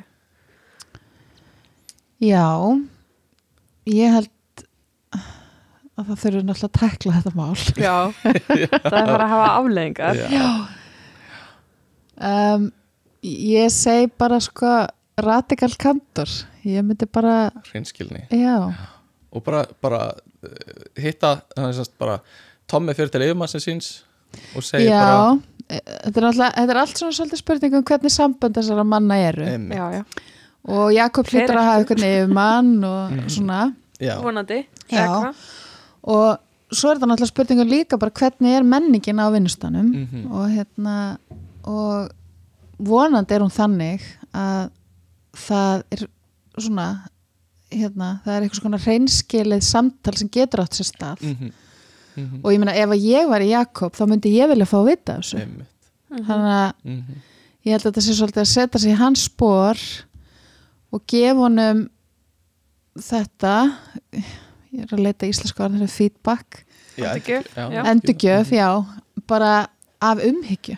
Og þá verður hann að reyna að segja samt þannig að það sé ekki ásakandi við. algjörlega, Já, algjörlega og ekki segja of mikið en samt nógu mikið Já, ekki eitthvað þú Já. gerir þetta sem gerir þetta heldur bara já, og En- þú veist já. hérna hef, um- ættir kannski að láta kíkja á Mm. þetta, þú veist, En vilt- svona viltu, eða viltu kannski forðast það að segja heyrðu það eru aðrir að tala um Já. að þú værir, þú veist, og færa einhvern veginn ásakannar annað og þú veist og Já. hérna, Já, já, ef ég bara vonandi eiga þeir þannig samband að þeir geta rætt þetta þannig og hérna, og verið bara hreinskil bara þetta Já, kemur já, frá mér já. líka sem Já, umhyggja frá mér já og mér finnst mjög oft erfitt Mhm. ef að ég þarf að gefa einhverjum Mhm. endurgjöf Mhm. að hafa það eftir öðrum já, ég skil, einmitt já, það getur verið af því það verður ofta ekki genuine Nei, og það getur Er- er líka svona, algjörlega, og getur komið eitthvað svona hver sagði það, hver var það sem sagði Já. já. Segð mér bara hver það var, eitthvað Já. svona algjörlega og líka getur erfitt að taka dæmi stundum og stundum ekki og líka segja þetta ég upplifi já, þú veist, Mhm. þú gerir þetta ég upplifi að þú, þegar þú, eitthvað svona Mhm. já, ömmit ok, þetta hljóma vel þannig ég ætla að lesa fyrir aðra sviðsmynd mm Katrín er verkefnastjóri hjá hjúgrunatjónustu. Hún er útsjónasöm og hefur lag á því að sjá tækifæri í rekstri fyrirtækisins. Á skipulagsfundi spretta upp heitar umræður og Katrín stingur upp á því að fyrirtæki hefji ferli og nótkun nýrar aðferðar til þjónusta viðskiptavinni sína. Hugmyndin fellur í grítanjarðveg og það er bara illa tekið í hana. Svo Davíð sem er yfir upplýsingateknisviði stingur hins vegar upp á sömu hugmynd seinna á fundinum með sínum eigin orðum um orða svolítið hugmyndina en þetta er sama hugmyndin. Fundargestir taka þá vel í hugmyndina og hrósa hugmyndinni. Hvernig er best fyrir Katrínu að díla við þetta? Að hunsa þetta á hann að reyna að fá kredit inn að gæsa lappa á hann að leifa þessu bara, já, alveg að fara Kannu þú gera að vera Katrín? ég held að ég myndi bara þakklátt fyrir að einhver gæti útskýrt þetta betur en Mm. ég Einmitt. og áttu að benda á skilur og hvernig væri þá best þetta er hugmyndin mín Mm eða áttu kannski bara að þakka þakka fyrir já, hérna, ég veist að það væri bara þakka Davíð fyrir. ömmit að sko, að vera bara hömbul Mhm. Já. gagvart því að hérna sko, já, að taka eko út úr myndinni. Já, já, það er hérna, það er líka svona það er ákveðið þroskamerki að þú getur það. Mm mhm, og hérna, þetta snýst ekki um þig sem personu eða hvort þú færði eitthvað kredit ok. heldur heldina Einmitt. Ef þetta er það besta fyrir heldina og þetta er í rauninni það sem hún vildi gera þá hlýtur hún að vera ánæð á endanum. Ef henni líður rosalega illa með þetta þá myndi ég mögulega reyna að fá sko sem sagt bara viðurkenningu frá þeim sem hjálpaði. Já, frá Já. Davíð. Eiga bara samtal við hann. Já, bara, og þakk honum fyrir og hérna, já, Mhm. þú veist. Takk fyrir orða þetta svona vel. Já. Ég komist ekki nógu vel frá mér. Já, einmitt. Ok ok. Ég held uh, að margir uh, og mörg hafi sko þörfina til að fá validationu fyrir hugmyndina sína. Þetta er líka svo algengt að því að þetta getur oft verið svona ástæðan getur verið bara svona hlutlegur bæjas að fólk hlusti frekar að kalla heldur en konur. Það gæti líka verið, spilar inn í og þá, þetta. er það svo, þá getur þetta verið svona kornið Já. sem fyllumælin já, já, Já, algjörlega eða þátt að getur líka verið að hugmyndina þínar hafa áhrif á framgangiðin mm og þarna er hann að fá framgang en ekki þú mm. fyrir þína hugmynd Mhm. en, en algjörlega að, að, þú getur og að þú finnur fyrir því hjá þér að, að setja egoði til hliðar Mhm. þá er það líka mjög góð punktur sko, held ég að hérna, gott fyrir fyrirtæki og líka þetta eins og ég málaði þetta dæmi upp þá var þetta sko í heilbreyðistjónustu þannig að þá er auðvitað að, að þjónusta viðskiptavinnin skiptir mestu máli já, já. ímyndaði mér í mörgum Akkurat. tilfellum sko. já. já Uh, en þetta er náttúrulega flókið og ég skil alveg, Mhm. þú veist, ef konur upplifa það aftur og aftur og aftur Já. að það er ekki hlusta á þær algjörlega og líka ef það er tengist framgangi ef þetta væri á lögfræðistofu og þau voru bæði associates og er að keppast um þetta. Þá einmitt. getur náttúrulega komið upp mjög leiðileg svona dýnamík sko. já. Já. og pólitik er oft bara mjög erfið algjörlega er. Um, ok, förum aðeins í næsta hérna Guðmundur vinnur hjá hugbúnaða fyrirtæki og hefur yfir tveggja ára tímabil orðið vel til vina með yfirmanni sínum og eiganda fyrirtækisins sem heitir Tryggvi Guðmundur vinnur fyrir Tryggva og þeir eru orðnir ágæti vinnir yfir, yfir þetta tímabil Undarfarið hefur Tryggvi verið að deila með Guðmundi mikið af persónulegum vandamálum sínum varandi fjölskyldu sína og líka bara pyrring yfir vinnustanum og, og öðrum undirmönnum sem eru þá kollegar Guðmunds. Mm. Tryggvi kemur fram við Guðmund eins og einn sem mesta trúnaðar vin. Guðmundi finnst þetta erfitt því hann lítur á Tryggva sem ágætan vin en samt líka sem yfirmann. Þannig að við erum hana með Guðmund sem er undirmaður og Tryggva sem er byrjar að deila rosalega miklu og já, bæði persónulegt og líka svolítið kannski farin að svona kvarta yfir öðrum undirmönnum sem eru kollegar Guðmunds. Hvernig, þú veist, að þetta er líka æðst einhvern veginn eigandi fyrirtækisins. Hvað hérna getum við sé, eru að sjá einhverjar einhverjar leiðir hérna? Hvað á gumma gera? hmm. ef ég var í gummi myndi ég bara eiga spjallið. Bara aftur radikal kantor.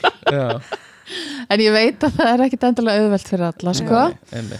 Uh, sömur myndu alveg bara hætta veist, ég nenni þess Mhm, ekki mhm. bara velja á milli vinnu eða vinar einmitt, Skilja. uh, og þá getur hann kannski haldið hérna, en ég myndi náttúrulega auðvitað er þetta ófaglegt þetta er það Algjörlega. af þessum hérna, æðsta manni fyrirtækinu En hann er greinlega kannski, ég er svona, svo svolítið að ímynda mér, kannski á ekki drosa marga vini og einhvern veginn bara svona grípur og Já. læsir klónum í undirmanni sinn, sko, já, sem, Sem vinur, sko. En þá er þetta líka fyrir já. en líka fyrir Guðmund að geta sett eitthvað svona mörg Algjörlega. bara, heyrði, ég skal ræða þú þú mátt ræða við mig um hjónabandið þitt. Mm en þegar við erum farin að tala um hérna, fólk sem ég er að vinna með, þá Já. finnst mér það óþægilegt. Já, eitthvað já, að hann- já, já, átti sig að því hvað það er sem honum finnst óþægilegt og hann Mhm. geti þá einhvern veginn komið því í orð einmitt, ákvarða mörkin sem þú vilt leggja Já. og svo bara Mhm. leggja þau mjög skýrt. já, Þetta er örugglega ógislega algengt inn á Íslandi sko. Ég býst alveg við því, sko, Já. og það er örgulega fjölskyldutengsl kannski líka, þannig að það flækir þetta ennþá meira, þú ert, Það eru mjög flókið sko. þú ert máur einhvers eða eitthvað svona, mm algjörlega. Um, já, bara taka samtali radikal Einmitt. Uh, ok, förum hérna í næsta. Marta vinnur sem forritari hjá fyrirtæki í Borgartúni. Hún fer í vinnuferð til Akureyrar og gistir á hóteli á meðan. Þegar hún kemur aftur á hótelið eftir fundi um daginn uh, þá sér hún Harald sem er sinn næsti yfirmaður í hótelinu að býða eftir henni í lobbyinu Haraldur segir henni að hann hafi flogið til Akureyrar til að eyða tíma með henni og hann beri sterkar tilfinningar til hennar. Þegar Marta fer til Alberts sem er hjá mannöði, vinnur hjá mannöðstofunni semst hjá fyrirtækinu, til að tilkynna þetta, þá segir hann að Haraldur sé besti starfsmaðurinn þeirra og hafi aldrei verið tilkynntur áður og Marta hafi sennilega bara miskilið það sem Haraldur var að segja. Þannig er, já, Það- á ég að útskýra dýnamíkina kannski aðeins? Bara, veist, Nei, margt, ég- þetta er skýrt er þetta skýrt? ok, gott, gott. Na, ég býstu að þetta sé líka eitthvað sem Þetta er er algengt sko. miður, já, algengt. Og það er erfitt að fá sko, svona svar hjá mannustildinni líka. Já, og það er örgulega kannski er einhver, þekkjast einhverjir hana? Mhm. einhver vinskapur? Og hann eitthvað getur svo líka leiðis verið bara á sama hierarkíleveli mannus mannskan Já. og Haraldur. Og eða lærri eða læri, algjörlega, Mhm. algjörlega. Haraldur getur verið í framkvæmtastjórnunni ekki Mhm. hann. Mhm, Mhm. mannus fólk er ekki alltaf í framkvæmtastjórn mhm. Já, þetta er ekki einfalt mál. Af því að eins og sagði sko að þetta hefur aldrei gerst áður. Það er náttúrulega já, allavega ekki fært til bókar. Já, það er líka hjá mannuði sko. já en þá er þetta kannski spurningu um sko já, já æ, þú veist þetta er svo, held ég svo algengt bara því miður Ég. Mhm. og ég er náttúrulega því miður finnst mér, eh, ég er sammálegar stundum er eins og mannusteldir sé hérna hálf Já. fatlaðar sko þegar kemur að einhvern veginn að því hvernig á að þú veist, að því það ráða einhver Nei, þær eru bara svona ráðleggja veginn Einmitt. Og hérna og það eru háðar fyrirtækinu af því það er vinna fyrir þau. Já, svona stóðdeldir hvar er hagsmunir hags, hvar er hagsmunir, er það hjá mannskinni já, eða er það hjá þeim? Eða Já. veist, er fyrirtækið eða já. En ég myndi náttúrulega þetta bara taka svona hluti mjög alvarlega Mhm. og í rauninni ræða við þannan mann sko. Mhm. um, við Harald þá, Já. yfirmannin já, vonandi er Albert ekki mannustjórin heldur bara einhver mannisfulltrúi já, en og Marta getur farið í næsta aðla Nákvæmlega. ofan sko. Mann finnst einhvern veginn að Marta eigi ekki að þurfa sjálf að konfronta Harald. Já. eða þú veist, mann, mann finnst það einhvern veginn að það ætti að vera einhver svona makkar eða skjólstæðingur. Mm er ekki skjólstæðing, jú, fyrir hana skilur Jú, og þarna ætti líka eitthvað ferðla að fara af stað Já, ef að hún segir þetta. Já, og það er náttúrulega þetta er ekko hérna Mm. einaldi um, kynferðslega áreitni eitthvað svona sem að Já. mörg fyrirtæki hafa innleitt sko er um, já, ekko, er það Já. kerf, kerfið sem sagt, Já, það er svona unni leiðbeining? fer- Ferill, ferill. verkferill, Já. sem á að fara af stað já, sem að hérna, ef að fyrirtæki hafa innleitt það þá, Mhm, og er spurt um í rauninni í starfsmannukannunum og veist, hefur lendi í mhm, áreitni og svoleiðis einmitt. og það vill náttúrulega ekkert fyrirtæki fá annað en bara 100% nei út af Einmitt. þeirri könnun sko.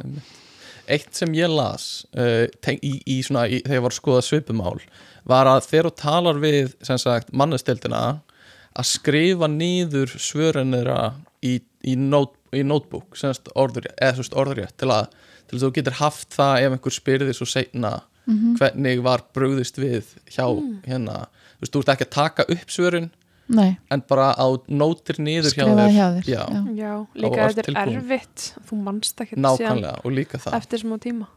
Þannig að það getur kannski hjálpað einhvern tímann sko. Já, um ok, já, þetta er svolítið flókið. Það eru, ég er með tvær sviðsmyndir eftir. Einu Ok. svona aðeins léttari og, og hérna, hinn er eitthvað sem hérna, uh, ég veit að kemur fyrir líka. Tökum okay. þingri og svo fyrst. Já, já. Uh, Magnús vinnur hjá hugbúnaðarhúsi hann tekur eftir því að í hvert skipti sem er vinnustæðapartí þá missir unnur sem er bara samstarfsfélagi uh, alltaf stjórn á drikkjunni og í rauninni gerir sig að fýbli og lætur öðru starfsfólki líða skringilega. Unnur sér samt alltaf eftir í daginn eftir. Þetta hefur gerst í síðustu fjögur skipti sem hafa verið vinnustæðapartí Í næstu viku er jóla hlaðborð á skrifstofunni þar sem bóðið er upp á áfengi. Hvernig á Magnús eða á hann yfir höfuð að dressa þessar aðstæður ef engin annar hefur gert það hinga til? Já, ég held að sé kannski fyrir kannski eftir hvernig þeirra samband er hún segir hún sér alltaf eftir því Mm -hmm. Veist, hvernig vitum við það hún lítur að hafa tjáð sig um það þá Já. við einhvern Mhm. um, fer það eftir policy fyrirtækisins veist, sumir er með svona no tolerance eða ekki? Svo fer líka eftir hvað er hún að gera. Hvaða mörg fer hún yfir? Mm fer hún yfir mörg einhverja? Ég, ég myndi kannski ekki búist við að það væri svona kynferðisleg mörg eða, eða hérna og ekki endilega snertingar e- eitthvað svona Nei. óviðjandi þannig séð. Nei. En- en er einhver sem að líður fyrir þetta Uh, já, bara svona Já. ég hugsa að fólki líði bara óþægilega já, bara það er dregur niður stemminguna dregunu stemmninguna, það er ein manneskja sem er miklu fyllri en aðrir Mhm. er kannski að, að, veist, að hvetja fólk til að koma að spila ég veit ekki, drikkjuleiki, eitthvað sem fólk er ekki eða ég veit ekki, ég er svolítið að mála bara upp eitthvað hérna en já. Já, bara En svona ég meina- óþægilegt vonandi á hún og, og þú veist, ég vona fólk eigi veist, á vinnustað eigi þannig samband við sína yfirmenn. Mhm. ég veit að það er samt ekki þannig alltaf. En það, að það er hægt að gefa þessa endurgjöf Mhm. og, og svolítið kannski grafa í veist, hvað er það?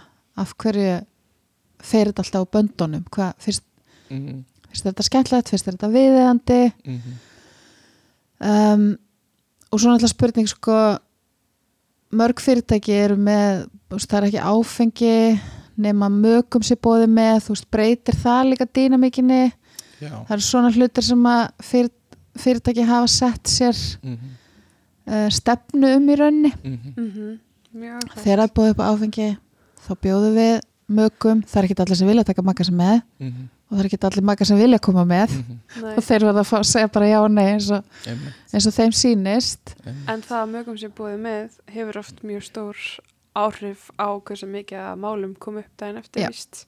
já, það, já, Það er mjög mjög Já. Mhm, Þannig að ég myndi líka halda að þetta fyrirtæki eitthvað, æ, já, ætti kannski að endur skoða að stefnu já. sína í þess hvenar er áfengi veikt einmitt, fyrirtæki En líka að þú veist, og er það endalust ókjöpis þú veist, er þetta að segja Mhm. þið getur drukkið fritt til sjö og af því það er ekkit vist að unnur Mhm, ætla að kaupa allir drikkina Nei, Nei, nei. nei, til dæmi sko einmitt. en þú veist, þannig að Og hversu lengi er þið á vinnustanum eða í- bóði þeirra og svo kannski bara heldur fólk áfram? Þú veist það fyrir eftir hvar hlutinni gerast líka sko. já, þetta er náttúrulega þetta er bara mjög flókið sko já, og náttúrulega alls konar eh, held ég sem að kannski miklu meira heldur maður veit af sem að gerist Mhm, sko. einmitt. Mhm. um, ok, fyrir þá í, í síðasta og þetta er hérna svona síðasta sem við kannski ræðum. Um, hérna, og þetta er eitthvað svona sem er svolítið klassíst og maður sér oft í, í bíómyndum eða þáttum eða eitthvað svo leiðis en það er, þetta er svona svona Gunnar vinnur sem kennari í Hagaskóla. Hann mæti með nesti á hverjum degi vegna þess að hann er liftingamaður á sérstökum mataræði og setur í ískapin á kennaraskrifstofunni Undarfæri mánuð hefur hluti af nestunni hans uh, verið borðaður allavega fjóru sinnum jafnvel þótt hann hafi mert nestisbókur sitt með nafni. Hvernig dílar Magnús Gunnar, Gunnar fyrir ekki við þetta? Hva, hvað hann var að gera ef að nestinum hans er stólið alltaf aftur og aftur? Já, það er góð spurning. Það er alltaf ömurlegt að vinna á þannig vinnustaf ha, á kennarastofu. Já. En sko mér finnst oft hérna oft, mér finnst hlutir oftar þannig að við einhvern veginn gerum ráð fyrir að allir þekki óskrifu reglunar sem eru kannski búin að vera í, hjá fyrirtækinu í einhver ár Mhm. eða hérna Já. og bara hérna nýlega var svona dæmi sko það sem Mhm. að var hérna eitthvað keift svona í ískápin sem átti að vera svona í neyð en svo er allir bara ganga í það Einmitt, svo allir tekin ákvörðun um að hætta að inn af því að einmitt, það átti ekki að vera fyrir alla en það er ekki sagt. Já, það er bara hérna það er ekki tilneinar ekkert skriflegt. Nei, og einmitt ég menn það er nú eitt sem við höfum ekki rætt það eru hérna svona working agreements í teimum og og, hérna, og við erum kannski farin að sjá meira og meira bara á vinnustöðum sem held, þú veist, í staðin fyrir kannski að þessi mikið svona values þá verið, þú veist, þá svona bæði Mhm. eða hérna, þú veist, svona hvernig þú mætir Mhm. bara how you show up Já. í vinnuna Mhm, og hérna, og ég er mikið spáðið þetta, þú veist, eins og í skólum hjá krökkunum mínum. Mhm. Þau eru í rauninni, það er svo margt sem er bara vinnusamningur, sem Mæti er bara, fyrir þennan tíma er svona lengi? Já. Áttu að koma með mat þarna en ekki þarna? Já, og þegar strákur minn var bara í fimmtabæk núna og þá byggu þau sjálf til reglunar. Við ætlum að gera þetta saman, Ok. mástu við ákvæðum þetta saman, að við. Mhm. Og hérna, og kannski er það náttúrulega bara eitthvað þannig. Ég, ég held að hann ætti kannski bara, veist, þetta, þetta, er, þetta er eitthvað svona. Það hlýtur að vera þá kannski mat stólið af fleirum Mhm. Mhm. og hérna, og bara getum við aðeins rætt þennan kultúr. bara, Bara- taka þetta upp á næsta uh, starfsmálafundi, eða, já, eða já, já, einmitt. Eða hengi upp með það já, eins passive aggressive þú getur bara. já. nei, en já En ég segi alltaf sko, þú veist, já, ég, Já, ég held að það sé best að reyna að tekla hlutina svona opið. Mhm. já, En auðvitað þarf það ákveði svona, hérna, hugrekki, já, Já. ummitt. Þannig að þetta er flókið. Mhm. Já, það er svo margt við þetta, svo Já. margt annað sem mann langar að fara yfir en ég held að náum ekki að fara yfir allt.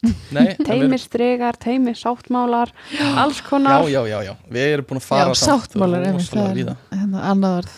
alls konar sko, Já, Þannig að, setna. já, segi, já, þetta er bara, ég heldur mitt að við höfum staðið okkur bara mjög vel, sko Já, við fórum yfir bara eiginlega næst í allt sem við lögum upp með til að byrja með. Mhm. Og bara, Er eitthvað sem að þú vilt koma á framfæri? Viltu gefa einhverjum sjátátt? Viltu auglýsa eitthvað? Innan skemmtilega jóga. marka? Ertu að kenna jókatíma sem nei, jú, ég kendi vinkonum mér um helgina Ok, í sögubúrstað. Það var mjög næs. Næs Og, nei, ég hef ekki verið að kenna, sko. En ég hef verið að spá í hvort ég hef verið með jókatíma í vinnunni minni. Mhm. Já, En svo er þetta alltaf, þú veist eitthvað, maður tíma til að undirbúa sig. Mm. En svo, og, svo um helgina gerði ég þetta bara. Já, kekja Um, en ég, já, ég segi líka oft við teimi sko þetta að vera að hugsa um þessar hluti, það er svolítið eins og að fara í ræktina eða að Já. huglega. Þú veist, þetta er svona, þú ert að hugsa um sjálfan þig, ykkur svona, hérna, þú veist, ekki bara akkurat núna, heldur þetta er svona langa planið, sko. Mhm. Þú veist, við sjáum kannski ekki árangur að því að við huglegum einu sinni eða við mætum einu sinni að lifta Nei. lóðum. akkurat. En þú veist, þetta er þetta að vera Mhm. agaður og gera þetta og Mhm. þannig svolítið Algjörlega, byggjum við upp góð teimi.